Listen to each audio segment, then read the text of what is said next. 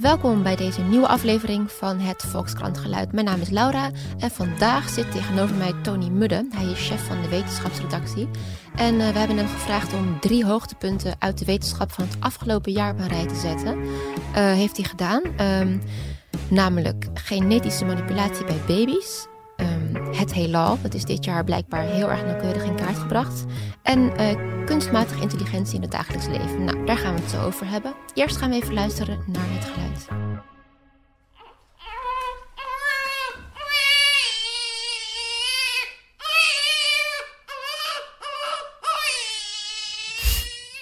Nou, ik hoef niet te vragen wat dit was, maar wel uh, waarom, denk ik. Klinkt niet heel gelukkig, hè, deze baby? Nee, nou, dat weet nee. je niet. Nee, de, de, de, ik heb dit geluid uitgekozen naar aanleiding van de, de, de Chinese baby's die genetisch gemanipuleerd zijn en uh, volgens deze wetenschapper ter aarde zijn gekomen. Dat is eigenlijk 's werelds nou, eerste genetisch gemanipuleerde baby's. En uh, dat heeft in de wetenschappelijke gemeenschap en ook ver daarbuiten tot heel veel ophef geleid. Zo van hoe kan dit ineens? Zit iemand gewoon te, genetisch te sleutelen aan de, aan de, code van het leven? Het wat ons mens maakt, die doet dat gewoon even. en die zegt: Hier zijn ze, Tada. Lulu en Nana, zo, zo heeft hij ze genoemd. en uh, ja, en dat heeft tot heel veel ethische vragen geleid. En ook de vraag zo van: wat kunnen wetenschappers dan nu al en waar gaat dit heen? En uh, dat was gewoon een van de spannendste gebeurtenissen van dit jaar op wetenschappelijk ja. terrein. Ja, heb je zelf kinderen? Eventjes, uh... Ik heb drie kinderen. Ja. Oké, okay, dus je hebt drie keer een baby gehad. Had je zelf iets aan ze laten sleutelen? Of ik iets aan ze laten sleutelen? Nee, nee. Shaila Sitalsing, onze columniste, die heeft ook een column geschreven over die genetisch veranderde baby's. En die begon haar column met van uh, wat ze allemaal aan zichzelf zou willen veranderen. Zo Ah. van Oh. ik zou wat minder lui willen zijn en, en beter in sociale prietpraat. En, uh, en ze eindigde de column zo van ja, maar als ik met een zilveren schaartje in het DNA van mijn eigen kinderen iets had mogen veranderen, dan had ik niets veranderd. Ik denk toch wel dat het vaak wel zo is. Dat je denkt, ja, daar wil ik gewoon niks aan veranderen. Die zijn Ja. goed zoals ze zijn. En aan jezelf wel. Aan mezelf, ja, daar is altijd de vraag van dan moet het wel 100% veilig zijn. En dat is ook het, span is het spannende vraag hierbij. Zo van, ga je over tien jaar ontdekken dat het toch iets met die kinderen is wat je niet had voorzien. Dat je iets te veel hebt weggeknipt. Ja, of, dus eh, als ik mezelf uh, uh, tien keer zo grappig, tien keer zo slim kan maken. En dat ik met twee uur slaap nog net zo goed kan functioneren Ja, als nu met acht uur slaap. lijkt me super handig. Maar als ik dan uh, op je vijftigste ontdekt van, uh, oh ja, trouwens, je krijgt er wel uh, 26 vormen kanker van. Dan Ah. lijkt me een stuk minder aantrekkelijk. Dus, ja. Hmm. Hey, hoe was jouw jaar op de wetenschapsredactie?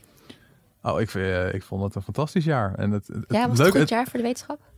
Het, het gekke is, eigenlijk is elk jaar wel een goed jaar voor, voor de wetenschap. In, in, die zin dat de wetenschap wel uh, vergeleken met ander nieuws toch vaak best positief is. Weet je, er wordt gewoon iets nieuws ontdekt. Ja. En we zijn weer iets slimmer dan we het jaar daarvoor waren.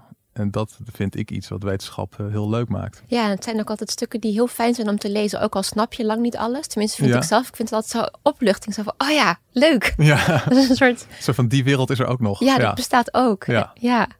Grappig. Uh, nou ja, we hebben jou dus gevraagd om uh, drie hoogtepunten van het jaar mee te nemen of te noemen. Mm -hmm. uh, laten we ze gewoon in willekeurige volgorde behandelen. Niet dat er eentje een winnaar is of zo. Nee. Maar laten we gewoon beginnen bij de huilende baby's. Ja, dat waren genetisch gemanipuleerde baby's. Genetisch gemanipuleerde baby's. Daar was wat, een... uh, kun je om te Ja. beginnen eerst even uitleggen wat genetische manipulatie ook weer even in het kort is? Nou ja, je hebt zeg maar de, de metafoor die vaak, vaak wordt gebruikt. Dus zeg maar dat de DNA is de software van het leven. Dus dat bepaalt gewoon hoe jij en ik opgebouwd zijn. Uh, en daar kan je dus iets aan veranderen. En uh, dat is niet iets wat uh, ineens nu in labs gebeurt. Ik bedoel, de tomaten die jij in de supermarkt koopt, die, eh, die groeiden gewoon 100 jaar geleden. Had je alleen nog wilde tomaten. En op een gegeven moment dachten ze van... hé, maar deze tomaat die, die doet het toch net iets beter dan die andere tomaten. Die zijn toch net iets lekkerder en er komen wat meer tomaten vanaf. En die tomaat is wat beter bestand tegen allerlei uh, nare ziektes. Dan gaan we daarmee kruisen en dan gaan we daarmee verder. En zo komt uiteindelijk die, die lekkere tasty tom uh, in, de, in, in de Albert Heijn, zeg maar. Dus dat genetisch veranderen doen we al eeuwen. Weet je? Daar is niet Ja. iets nieuws aan of zo. Maar die twee baby's die zijn niet die, poedel, even die zo, eh, poedels op straat die liepen zeg maar ook niet in het wild rond. eh. Alleen de vraag is van eh, met genetisch mani- manipuleren, van, dan kan je het dus in één keer veel sneller. Dan kan je dus bij wijze van spreken gewoon eh, tientallen jaren van het kruisen van planten overslaan en gewoon boem, in één keer die lekkere tomaat maken. Het klinkt als heel goed nieuws. Aan de ene kant is het heel goed nieuws. Want ja, misschien kan je er wel gewassen mee maken die, uh, die, waarvoor je zeg maar veel hogere opbrengst hebt voor een kleiner oppervlak. Wat natuurlijk gewoon hele grote voordelen heeft. En tegelijkertijd heeft het ook iets engs dat je gewoon in één keer zou kunnen sleutelen aan, aan het leven. En dat je dan denkt van, creëren we hier een soort monster van Frankenstein mee? Mhm. Of iets wat eh, de wereld over gaat nemen. Weet je, dat soort primitieve angsten uh, wekt het dan ja, al op. want bij een tomaat denk je nog, nou oké, die is wat sappiger dan de ander misschien. Maar bij zo'n uh, lula, hoe heet het ook weer?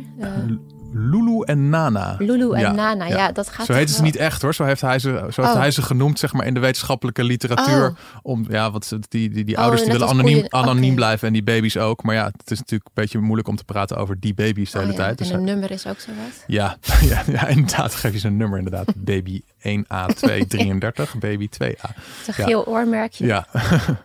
dus hij is eh, Lulu en Nana Ja. genoemd. Ja. En die zijn dus ook genetisch gemanipuleerd. Ja, en die eh, zijn zo gemanipuleerd dat eh, het is bij, bij eentje is het gelukt dat ze ehm, eh, geen HIV kunnen krijgen. Dus er is iets in het DNA, en dat is ook een, een, een genetische variatie die sommige mensen gewoon in het echt normaal al hebben, waardoor ze gewoon eh, niet ontvankelijk zijn voor het oplopen van HIV. En dat heeft hij bij deze eh, baby's. Eh, dat zijn oorspronkelijk waren de, de vaders van die baby's die hadden HIV.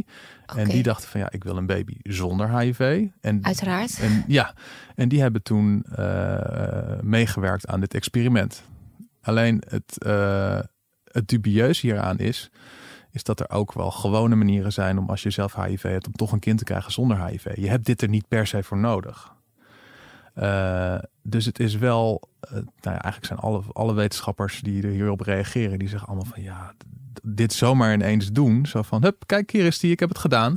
Dat, dat druist gewoon Dat tegen alle, eh, dus tegen de 50 jaar medische ethiek in. Je, Maar aan de andere kant, bedoel, het staat natuurlijk symbool voor meer. Het is niet alleen maar HIV, maar je, Ja. bedoel, als het, het is met dat zilveren schaartje wat je net zei, Ja, doen ze ja. dat. Kun je die techniek even uitleggen trouwens, hoe dat werkt? Nou, het heet, deze techniek heet CRISPR-Cas. En dat is dus eigenlijk een soort hele precieze knip- en plakfunctie. Waarbij je dus gewoon heel precies iets kan, eruit kan halen en kan vervangen door iets anders. Ja, En ehm, ja, wat je dus, wat, wat zeg maar de normale gang van zaken is bij dit soort dingen, is dat je dus eerst een soort discussie gaat beginnen van oké, wat voor ziektes vinden wij nou met z'n allen zo erg Hm. Eh, dat we zoiets zouden moeten gaan proberen. Ik bedoel, er is in eh, een, moeder in Jordanië, daarbij is ook al een keer door eh, de eicel van een andere moeder te mengen, is eigenlijk ook al een soort van genetisch gemanipuleerde baby ontstaan. Maar als je dan het, het, het verhaal van die moeder leest, van die kon dus geen gezonde kinderen krijgen zelf. Had vier miskramen gekregen, twee zwaar gehandicapte kinderen die allebei jong zijn overleden. Dat is wel even een ander verhaal. En daarbij is dus eerst een discussie op gang gekomen, wetgeving veranderd. En dat is, dat is, dat is echt een ander verhaal dat je ineens zegt van, nou, ik heb het gewoon gedaan. En, eh, Ja, en niet ja, dat er nog een eh, nog andere eh, medisch-ethische commissie eerst eens gaat kijken van, is dit wel nodig? Kan dit niet op andere manieren? Is dit wel genoeg getest in proefdieren? Ehm, gaan dan ook eh, onafhankelijke wetenschappers nog jarenlang in de gaten houden hoe het gaat met deze baby. Zodat we, als we afwijkingen zien, dat we in naam snel kunnen stoppen met die behandeling. Al dit soort dingen zijn gewoon niet gedaan. Dus deze man dacht gewoon. En hij was zelf op. Ik heb dat filmpje van hem gezien waarin hij dit presenteert. Je ziet gewoon aan zijn ogen dat hij het idee van: ik heb iets fantastisch gedaan voor de mensheid. Ja, maar op zich zou je dat toch wel kunnen zeggen. Ik bedoel, als je HIV eruit kan knippen. Ja, alleen. eh, je weet dus niet. Ja, ja, je ge- gebruikt wel kinderen als proefkonijn. Ja. En ja, eh, er gaat gewoon bij proeven gaat heel vaak iets mis. Mhm. Eh, zo is het wel. Ja, ik bedoel, ik heb ook wel eens een. eh, en zelfs als iets goed werkt bij, bij proefdieren, hoeft het helemaal niet te zeggen dat het bij mensen op dezelfde manier werkt. Mhm. Ik, heb, ik heb zelf ooit een keer voor een verhaal heel lang in een proefdiercentrum rondgelopen. En ja, daar zei ook zo'n onderzoeker tegen mij van ja, in muizen hebben we kanker al duizend keer genezen. Weet je wel? Dus, Ja. dus als je zoiets leest of eh, van eh, zo'n berichtje van nou, eh, binnenkort kanker de wereld uit, want uit muizenonderzoek blijkt dat. Dan moet je altijd meteen eh, 26 korreltjes zout erop gooien. Want dat gebeurt zo vaak dat dan in een later stadium van oh, oh nee, bij apen werkt het toch heel anders. Oh, bij mensen werkt het nog anders. Nee, eigenlijk zijn we weer terug bij af. Dat Ja. gebeurt zo vaak. En hoe ga je daar als krant mee om? Dat, zeg maar, het is een hele grote ethische discussie natuurlijk met die baby's. Hoe, Ja. eh, ja, hoe presenteer je dat? Nou ja, eigenlijk door gewoon meteen al die kanten te laten zien van ja, deze meneer claimt dat, dit, dat hij dit heeft gedaan. Hoe reageert de, de rest van de wetenschappelijke gemeenschap erop? Uh, Maarten Keulemans heeft bij ons er heel veel verhalen over gemaakt. en, en de vraag van waar, waar gaat dit naartoe? Weet je wel? Wat kunnen we nu al, nou ja, de voor- en nadelen van dit soort, dit soort technieken? Ja. Dus eigenlijk ja, zo'n breed mogelijk palet laten zien. Ja, wat vind je zelf van die techniek of van dit nieuws? Nou ja, ik, ik denk dat je uh, dat genetische manipulatie uh, aan zich, alleen al het feit dat het gewoon al zo lang gebeurt, uh, om, om, om gewassen te maken die wij kunnen eten en waar je heel, heel blij van wordt dat die zo gemaakt worden. Dat zegt al van dat je het niet per definitie kan afwijzen. En dat je dat sneller zou kunnen met een bepaald trucje. Ja, we leven wel op een planeet waar in 2050 weet ik veel hoeveel miljard mensen gevoed moeten worden. Tien? Volgens ja, tien inderdaad. Ja, zoiets. En uh, um, als je gewoon ziet wat dat voor eh, landoppervlak vraagt voor de landbouw.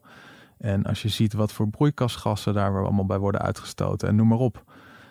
Dat als jij gewassen kan maken die dat allemaal veel beter en veel efficiënter doet, dan is het natuurlijk halleluja. Ja. Alleen, zoals met al, alle nieuwe technieken, het moet wel, uh, moet wel zorgvuldig gebeuren. En je mhm. moet echt goed testen. Werkt het nou echt? Zitten er niet allemaal nadelen aan die we bij het eerste experiment nog niet hebben gezien, maar bij het tweede experiment toch wel naar voren komen? Dus laat maar zo snel mogelijk zo zijn, maar dan wel zorgvuldig. Ja, uh, ja zorgvuldig, ja. ja. maar... Laten we door naar uh, nummer twee. Uh, of niet nummer twee, maar gewoon de willekeurige tweede. Het heelal. Ja, ja. nou, waar zullen we beginnen? best wel groot. ja. Van een kleine baby naar het grote heelal. ja. ja. ja, ik, ik vond de andere wetenschappelijk opvallende gebeurtenis van het jaar is, is Gaia. Dat is een, een ruimtetelescoop. En die ruimtetelescoop die maakt een soort, uh, ja, moet je voorzien. We hebben ooit een keer bij alle, alle DNA van de mensheid in kaart gebracht. Dat heet het Human Genome Project. Van wat, wat is nou eigenlijk de bouwstenen van de mens?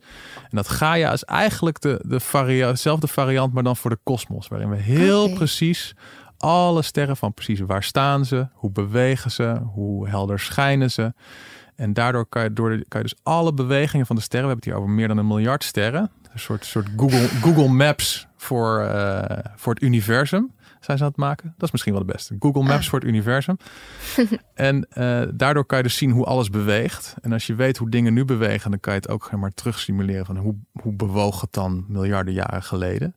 En zo kan je dus eigenlijk gaan kijken van hoe is het nou de geschiedenis van het heelal uh, in elkaar. En dat hadden ze nog niet. En dat is dit jaar. Dat, dat ding is in 2013 uh, gelanceerd. En dat ding is de Gaia. Ja, de Gaia inderdaad. Ja. En die is zeg maar de afgelopen jaren zijn zeg maar de eerste grote resultaten uh, gekomen. Mm -hmm. Waarbij die dus van een meer dan een miljard sterren in kaart gebracht. En ik, ik word zelf vind ik het altijd zo fascinerend om gewoon een gevoel te krijgen van hoe onmetelijk groot ja. dat universum is. Het, nou ja, om een vergelijking te geven, zeg maar de dichtstbijzijnde ster vanaf de aarde, dat, dat is de zon. Als die zeg maar nu uit zou gaan, ineens, dan zouden wij dat acht minuten later zou het hier pikken donker worden. Maar dan ga je naar de eerstvolgende ster, dus de eerst, eerste na de zon. Ja. En dan zit je al op vier lichtjaar. Dus als Wat? die uit zou gaan, dan heb je dus over vier jaar zou dan ineens één puntje zo uitgaan aan de hemel. Wauw. En dan gaan we naar zeg maar het eerste dichtstbij sterrenstelsel, dus de volgende groep sterren. En dan gaat het al over 2,5 miljoen lichtjaar.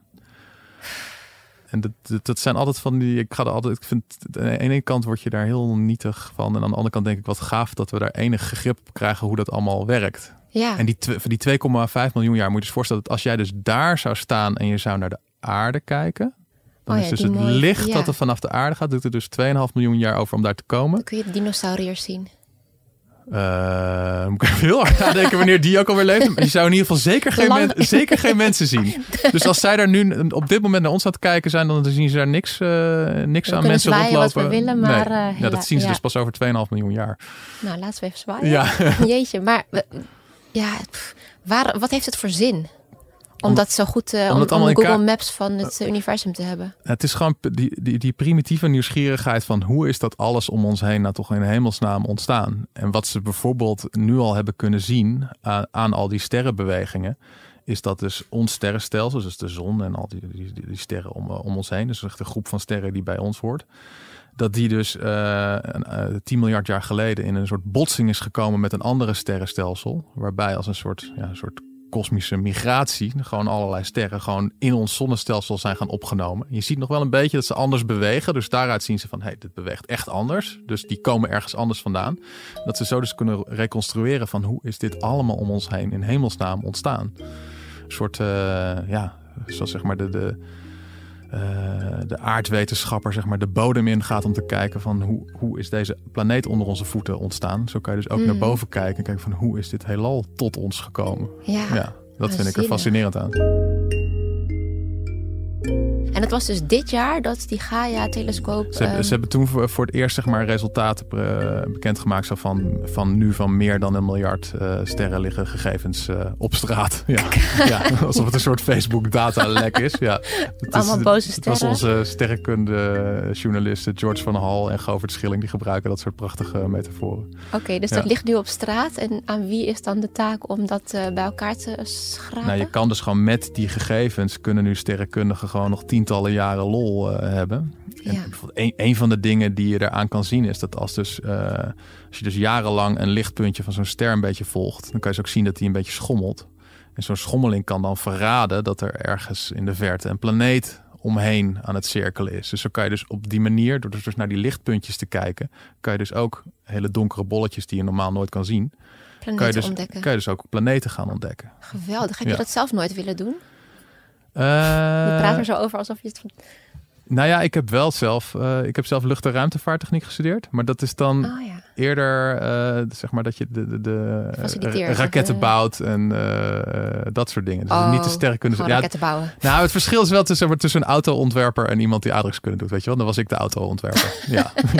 Het is niet dat ik per se dan wist waar die dan allemaal overheen kan rijden. Maar je kan ja. wel een raket bouwen. Uh, inderdaad, het is wel een tijdje geleden hoor dat ik dit gestudeerd heb. En ik ben daarna de journalistiek ingegaan. Dus, uh, beetje... dus ik, ik zou mij die niet direct een nieuwe raket laten ontwerpen. Maar in theorie weet ik wel hoe die werkt. Ja. Oh, wow. ja. Grappig. Um, even denken. Ja, laten we maar doorgaan naar nummer drie. Ja. Um, kunstmatige intelligentie. Ja. En dan vooral in ons dagelijks leven. Ja, want kunstmatige intelligentie, dat klinkt dan iets van, ja, weet je wel, ver weg science fiction. Maar ik ga nu even iets voorlezen wat ik las op de site van Randstad. Je weet, weet het wel? Uitzendbureau? Het uitzendbureau. Okay, of de regio. Ja, die hadden namelijk uh, hoe zij de toekomst zien. En dan komt die. Werving met hulp van kunstmatige intelligentie, oftewel artificial intelligence, kan de effectiviteit van uw HR-afdeling als geheel drastisch verhogen. Met deze technologie kunnen namelijk taken geautomatiseerd worden die voorheen veel tijd en aandacht kosten. Artificial intelligence gaat verder dan alleen het analyseren van cv's op trefwoorden en taalgebruik. Bepaalde softwareprogramma's kunnen, na de eerste selectie, zelfs een eerste chatsessie met sollicitanten houden. Na het doornemen van de standaardvragen beveelt het programma enkele kandidaten aan en kan zelfs een jobinterview inplannen. Brrr, dat dacht ik ook toen ik het las. Ja, maar dit is echt. Dit komt gewoon echt van de site van uh, Randstad. Ik heb het net uh, uitgeprint. Ja, ja, en het is uh, met kunstmatige intelligentie, dat is dus eigenlijk dat een, een, een zelflerende computer, die dus eigenlijk uh, beloont als die iets goeds doet en zeg maar van een straft, nou, straft gewoon van ja, dan heb je het niet zo goed gedaan. Als die iets verkeerd doet, die gaat dus gewoon patronen ontdekken. Dus moet je voorstellen bij zo'n sollicitatie, dan uh, zouden wij hier aan zo'n systeem zouden laten zien van nou, deze redacteuren vinden wij ontzettend goed. Die doen leveren allemaal goed werk af. En dit waren de sollicitatiebrieven die ze ooit schreven. Computer, ga, maar, ga maar ontdekken zeg maar, wat voor patroon er hoort zeg maar, bij een goede redacteur en een goede sollicitatiebrief. Ja. En zo'n computer, wat hij er dan precies in ontdekt, geen idee. Dat is een black box. Ook voor de mensen die het zien. Misschien. Oh, daar misschien... kun je nooit achter komen? Nee, nee, want het is dus een soort. Je zou zeggen van, oh ja, dan let hij misschien op, weet ik veel, taalfouten of zo. Dat zou iets heel makkelijk zijn. Maar het is dus eerder een soort patroon, een soort mix, wat je eigenlijk gewoon niet kan zeggen wat het nou is. Dat misschien let hij wel op uh, lange zinnen, korte zinnen, lange brief, korte brief. Uh, op wat voor papieren te sprinten. Het kan van alles zijn, maar hij maakt een soort iets van, nou, dit patroon past ongeveer bij een goede sollicitant. Hij haalt eigenlijk alles eruit wat je eruit kan halen. Ja. En wat wij zelf misschien niet eens bedacht hadden. Wat wij zelf niet eens bedacht hadden. En dan aan de ene kant uh, heeft het positieve eigenschappen, want nou ja, uh, het, bes het bespaart werk, weet je wel. Je kan dom werk, nou sollicitantenwerf vind ik geen dom werk, maar je kan dom werk automatiseren. Ja. Uh, er zit ook iets in, zoiets van, nou ja, um, eh, je, zit, je hebt dan niet zeg maar de, de werkgever tegenover je die een zaggerijnige dag heeft en alleen al daarom jou afwijst. Ja, maar een soort objectief ding. Ja, Maar aan de andere kant is het met, eh, dat, dat heet dan... geen mening. Ja, geen mening. Maar aan de andere kant is het ook iets van... Als je dan wordt afgewezen, dan kan je dus niet aanwijzen wat het dan precies is. Waardoor je bent afgewezen. Maar daar kan niemand achterkomen. Nee, dan is het gewoon puur zoiets van... Ja, jouw patroon Past niet. past niet bij zeg maar wat op basis van 10.000 eerdere sollicitanten wij Oh, ja. de, de goede kandidaten Het is vonden. gewoon zo, eh, jammer. Ja, dus is de, er is zo'n zo'n eh, comedy-serie Little Britain. Oh ja, En dat er- een kuchje. Nou, dat, dat, is- dan, dan wil iemand iets gedaan Ja. krijgen en dan zit er gewoon iemand achter een computer en die zegt dan, computer says no. Ja, Ja, sorry, computer says no. En, en dat gevoel, dat, gevoel heeft het een beetje. En wat ook het, ook het na... maar is er helemaal niemand die dat eruit kan krijgen? Die dan Zo kan van, zien dat van... is het. Ja, het heeft, het heeft hier aan gelegen. Ja, dat, Dat- dat zijn echt zo'n veel, veelheid aan factoren. Ja, misschien als je iemand er dan een, een, een paar dagen op gaan laten zitten. En van, nou ja, het valt op dat, je, dat jij lange zinnen gebruikt of zo. Ik noem maar wat. Maar het, het, is vaak niet zomaar dat je even een rapportje eruit kan draaien heel snel. Of dat hij precies zegt Nee. zo van, het was hier en hier en hierom. En wat ook een beetje eng is met die kunstmatige intelligentie. Dat, dat, ja, dat noemen programmeurs dan eh, garbage in, garbage out. Dus stel je geeft dus zo'n zelflerend computersysteem eh, nou, alle goede, tenminste de hoofdredactie vindt dan bepaalde journalisten heel goed. En dit waren de sollicitatiebrieven die erbij hoorden. En stel dat waren toevallig voor 80% mannen of zo. Dan gaat dus dat zelflerend systeem, kan dus gaan denken van, ah, een man solliciteert. Die valt Ah. vaak goed in de smaak. Vol, weer een man, weer een man. Dus Die neemt het bestaande Dus die- verkeerde patroon over. die kan, ja, exact. Ja. Ja, Maar je kunt het ook zonder dat je doorhebt dat je verkeerde patronen invoert. Want waarschijnlijk denkt hier de hoofdredactie dat ze goed bezig zijn door Ja. allemaal mannen aan te nemen. En die Ja. denkt gewoon oké, nou doen we dat. ja. En dan denkt die computer, dit is de ideale wereld. Of dit is de ideale... Ja, en het is dus ook van ja, hoe objectief kan een ding zijn als het ontworpen is door mensen die natuurlijk wel eh, subjectief zijn of misschien hun eigen vooroordelen niet eens doorhebben. Of, eh, Ja, want daar zit natuurlijk de crux. Van, Ja. Uiteindelijk, het is ontworpen door een mens. Maar het wordt wel, daarna wordt het mee aan de haal genomen door die machine. En die Ja. mens kan er dus niet eens meer een rapportje uitkrijgen waarom. nee, precies.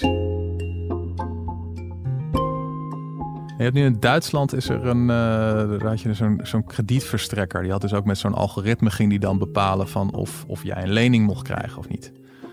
En eh, nou ja, als het antwoord dus was nee, nou ja, dan, dan kon je, dan wilden ze dus eigenlijk kijken van ja, maar waar kijkt dat algoritme dan naar? Hè? Waarom krijg ik een nee? Want hij een- heeft dan wel dingen ingevoerd, die kredietverstrekker. nou ja, dat, die, die, dat algoritme dat kijkt dan bijvoorbeeld naar van of je wel schulden hebt gehad. En Oh, eh, nou ja, misschien, ik, ik weet niet waar zo'n ding op let. Misschien dat alleenstaanden wel vaker schulden hebben dan mensen die samenwonen, of juist niet. Maar dat, is, dat let op van alles. Als je 16 bent of... eh, Ja, en, ehm, en nou was het dus zo dat ze dus wilden weten van ja, wat doet dat algoritme dan? Waar let hij op? We hebben toch gewoon recht om dat te weten? Ja, Dat is ook heel En- frustrerend. maar dan zegt zo'n bedrijf iets van ja, het is bedrijfsgeheim. Dus dat is waar die op. Hè? Dat, dat is eh nee, dat is geheim van de smid. En wat ze toen hebben gedaan is met een, je mocht dan wel je individuele rapport opvragen, waarin dus gewoon stond eh, rejected en wat ze van jou wisten. Mhm. En toen heeft dus zo'n organisatie gezegd die er eigenlijk wil blootleggen van hoe werkt dit nou met die algoritmes. Die heeft gezegd van jongens, stuur allemaal je eigen, vraag allemaal je eigen rapport op en stuur het naar ons op. En dan, en dan kunnen, we, alsnog, kunnen eh, wij wel gaan kijken waar dat ding nou op zit te letten. Dus daar zijn ze nu mee bezig. Dat, Oké, dat, als wel- je vraagt wat kwam eruit, maar dat weten ze nog dat niet. weet ik nog niet. Nee. ah, shit. Nee. Ja, want dat lijkt me ook zo moeilijk. Je wilt toch gewoon, ja, het rejected. Hij zegt dan ook niet omdat. Nee. Ziet ze van, op, op basis van eh 100.000 mensen die wij eerder hebben bekeken, vinden we jou een risicovol profiel hebben. Ja. En waar is dit nog meer, eh, waar, waar, waar is dit nog meer in aanwezig? Deze vorm van Ja, algoritme? het, zit- het zit ook in wat onschuldigere dingen als, eh, weet je wel, je, je, je- je, kijkt een televisieserie en dan staat er daarna van, nou, dan vind je Oh ja, waarschijnlijk deze ook Dan wel vind leuk. jij dit ook leuk? Ja, dat, dat, soort, dat soort dingen zit het ook in. Of wat er hoog op je timeline verschijnt eh, en wat minder hoog op je timeline. En het, ja, het raakt natuurlijk enorm het dagelijks leven en begint dat steeds meer te doen. Er is nu zelfs een experiment van de douane van de EU. Om dus eh, een soort automatisch interview te gaan doen door zelflerende systemen met mensen die de EU binnen willen komen. Om dus eh, mensen met, Oh. die daar eigenlijk niet in mogen, om die er dus uit te filteren. Hoe dan? Ja, door ze dus gewoon door een soort, soort robot vragen te laten stellen. En nou, ze zeggen ze ook van ja, maar dat is toch beter dan dat zo'n uh, douanebeambte die een slechte dag heeft, je dan op subjectieve gronden afwijst. Ze willen iets heel objectiefs bouwen. Dat nooit moe is, uh, waarvan het ook nog eens goedkoop is. Want ja, ja. zo'n systeem, als het helemaal werkt, ja, dan kan je ja, in één keer lekker veel mensen tegelijkertijd doen. Je hoeft nooit te eten of naar de wc. En tegelijkertijd denk je van ja. Theoretisch klinkt het goed. Maar... Ja, maar tegelijkertijd van ja, wat, waar voed je dat systeem mee? En dat was toch dat voorbeeld van die Twitterbot? Ja, er is een keer zo'n Twitterbot helemaal mislukt. Die moest dan leren van de mensheid hoe die, hoe die moest communiceren. En binnen de kortste keren was hij de meest schandalige dingen aan het zeggen. Ja, ja. ja. ja. dat is wel een tekenend voorbeeld eigenlijk misschien toch? Van, ik bedoel, ja. ja waar, waar, je het systeem mee voedt, dat krijg je terug. Ja. ja. En waar gaat het heen? Uh, naar de afgrond, zoals, zoals altijd. uh, waar gaat, ja, ik vind die, ik vind die uh, zelflerende systemen, dat, dat vind ik nog wel een hele spannende. Omdat het op een gegeven moment zo ingewikkeld wordt dat niemand het meer begrijpt. Ja. En uh, dus ik weet niet of ik daar zo positief over ben welke kant het op gaat. Want wat gebeurt er dan? Als... Nou, ook omdat, het, omdat zeg maar, de bedrijven die er belang bij hebben om zo'n systeem te vertolken, ja, die kunnen natuurlijk heel makkelijk zeggen van, weet je wel, het project was een succes. We hebben, we hebben drie potentiële criminelen eruit gehaald doordat we nu kunstmatige intelligentie laten bepalen welke busjes we wel en niet uh, open moeten maken. Mm -hmm. En het is heel moeilijk om uh, omdat er dan ook altijd achter zit van ja, en hoe het precies werkt, dat is dan bedrijfsgeheim. Het is niet zoals wetenschappelijk onderzoek zo van nou, laat maar precies zien hoe je het gedaan hebben en dan gaan we daar met z'n allen naar kijken van is het nou goed of niet en wat zijn de nadelen. Het zijn allemaal van die black boxes, weet je wel. En dat, dat maakt het heel uh, schimmig, vind ik. Ja, en dat moment dat straks die machine, zeg maar, zelf ervan doorgaat en meer weet dan degene die hem ontworpen heeft. Je, ja, hoewel ja, ik denk dat er altijd nog wel een uitknop ergens zal zitten. Ja, mag ik hopen, ja. ja. Oké, dus ja. Hmm. En zeg maar, als je van deze drie nou... Dit waren eigenlijk de drie hoogtepunten van het afgelopen jaar misschien voor de wetenschapsredactie. Uh, nou ja, ik vond dit zelf de drie uh, opvallendste gebeurtenissen. Ja, Dit, dit, laatste verhaal over die uh, kunstmatige intelligentie is trouwens Laurens Verhagen bij ons, die daar al ontzettend goede stukken over heeft geschreven. Die ja, heeft, heeft zelfs zelf ontdekt dat er een, in Nederland al een bedrijf is dat voor Nederlandse banken werkt. Dat nu aan het invoeren is dat voordat je een krediet aanvraagt, moet je uh, uh, toestemming geven dat ook je social media accounts gescreend kunnen worden door dat systeem. Zodat hij dus kan kijken van, oh, dit is nou iemand die uh, de hele dag op dure auto's zit te googlen of ik noem maar wat. Of, uh, je weet dan bijna alles in ieder geval de, wat jij op social media zet. Ik, ik weet niet of dat volledig... Nou ja, je, hebt toch, je kunt toch zo'n rapportje opvragen, bijvoorbeeld bij Facebook. Bij Facebook, van, ja. Uh, en dat kunnen zij dus ook dan van jou? Of... Ja, die geeft daar zelf toestemming voor. En die, uh, die meneer die bij het bedrijf in lijn had, die zegt van ja, iedereen geeft gewoon toestemming dat wij dan al die social media account, accounts kunnen bekijken. Want ze willen een krediet. Ja, het is heel eng. En wat is de implicatie daarvan? Uh, nou, de bank die zeg maar dit bedrijf uh, nu al gebruikte om zeg maar mensen te beoordelen op kredietwaardigheid, die dacht zo van, huh, gaan ze echt social media accounts uh, screenen? Die schrok er eigenlijk een beetje van. dus misschien dat er nog een beetje gas terug wordt genomen. Maar ja, goed dat het gebeurt of dat het er is, dat zegt ook al genoeg. Ja, en het is ik, uh, ja, wat altijd een beetje, ik bedoel, ik denk niet dat het zo snel zal het in, uh, hier in Europa niet gaan. Maar wat altijd een beetje het enge scenario is, is wat ze nu in, in China bijvoorbeeld al aan het doen zijn. Dat heet dan het sociaal beloningssysteem. Wat betekent dat? Dus dat je dan, nou bijvoorbeeld als jij bevriend bent met iemand op een sociale netwerksite die anticommunistische boeken koopt of zo, dan ga je gewoon een paar punten ga je omlaag. En als je dan onder een bepaalde grens zakt, dan kan het zomaar gebeuren dat je OV-chipkaart het ineens niet meer doet of Oh, echt? zo. Ja. Dat is al zo? Daar zijn ze al mee aan het experimenteren in China, ja. ja. Marije Vlaskamp, onze China-correspondent, heeft ook al een verhaal over gemaakt. Ja. En dan uiteindelijk, als je echt maar alle punten gezakt bent, dan. Nou, ja, een... dan krijg je het, uh, dan word je dus een soort sociale outcast. En dan wordt dus zeg maar so wow. sociaal-maatschappelijk gewenst gedrag wordt beloond. En een ander bedrag wordt, uh, wordt uh, afgestraft. natuurlijk een hele neppe... Dus je krijgt een soort controle uitoefenen over de maatschappij op, op individueel niveau.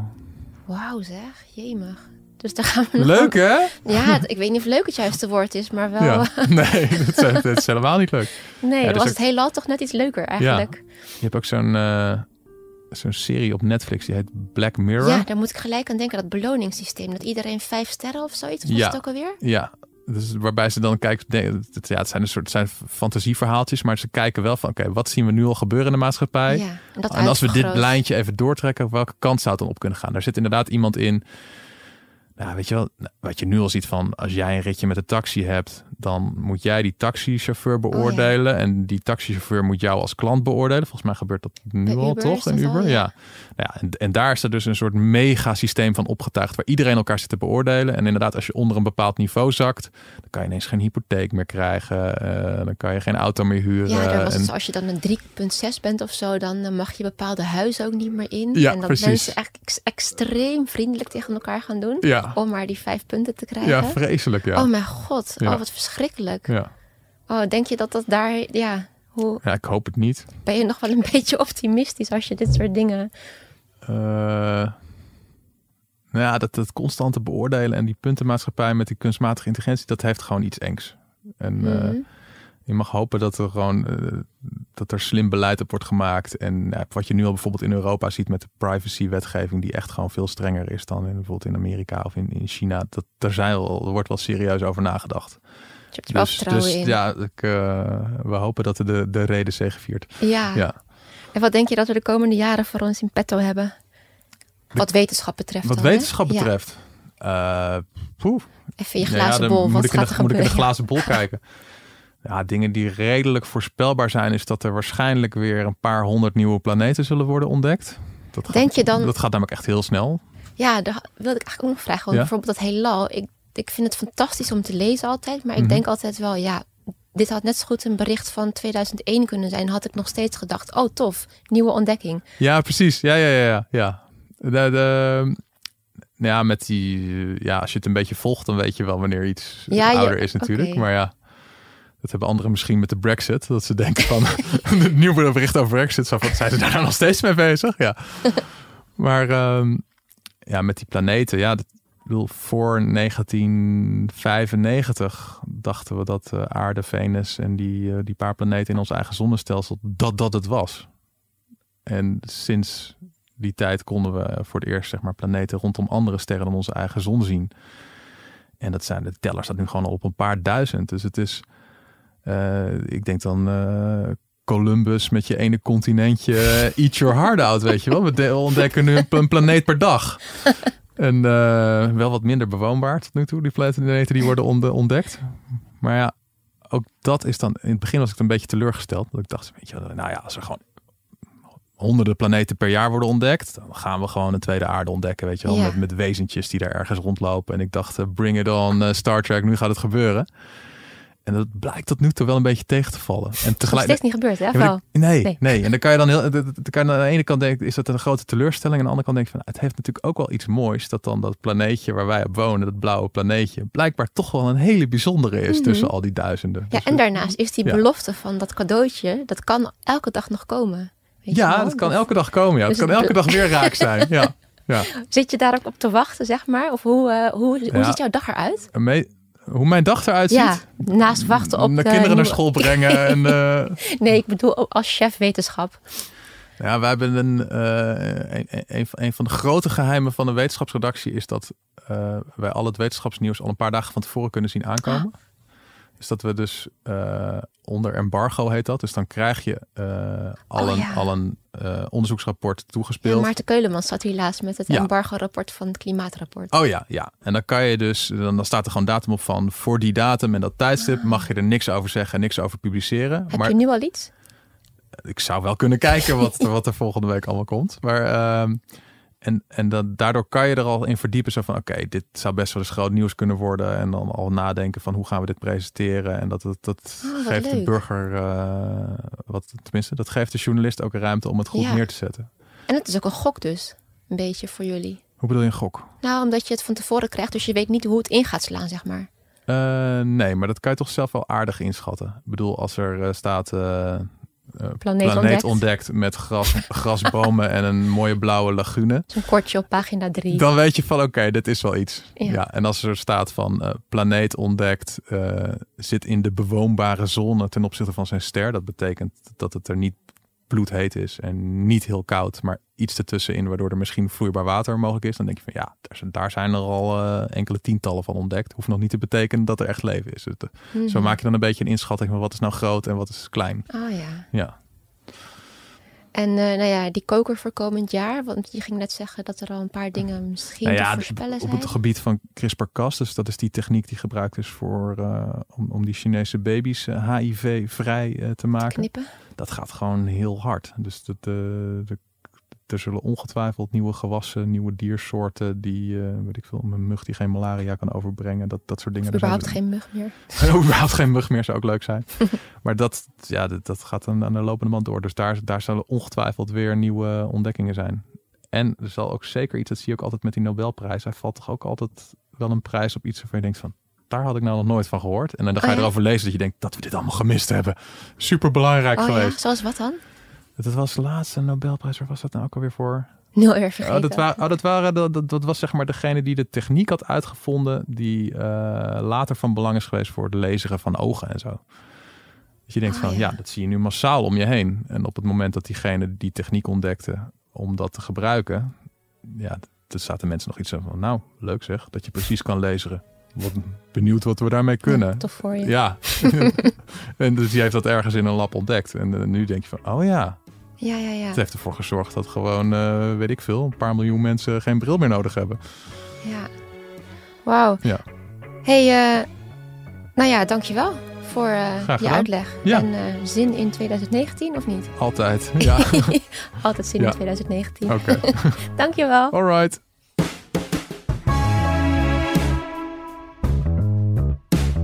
Dit was het Volkskrant geluid voor deze week. Dankjewel voor het luisteren. En vergeet niet om je te abonneren.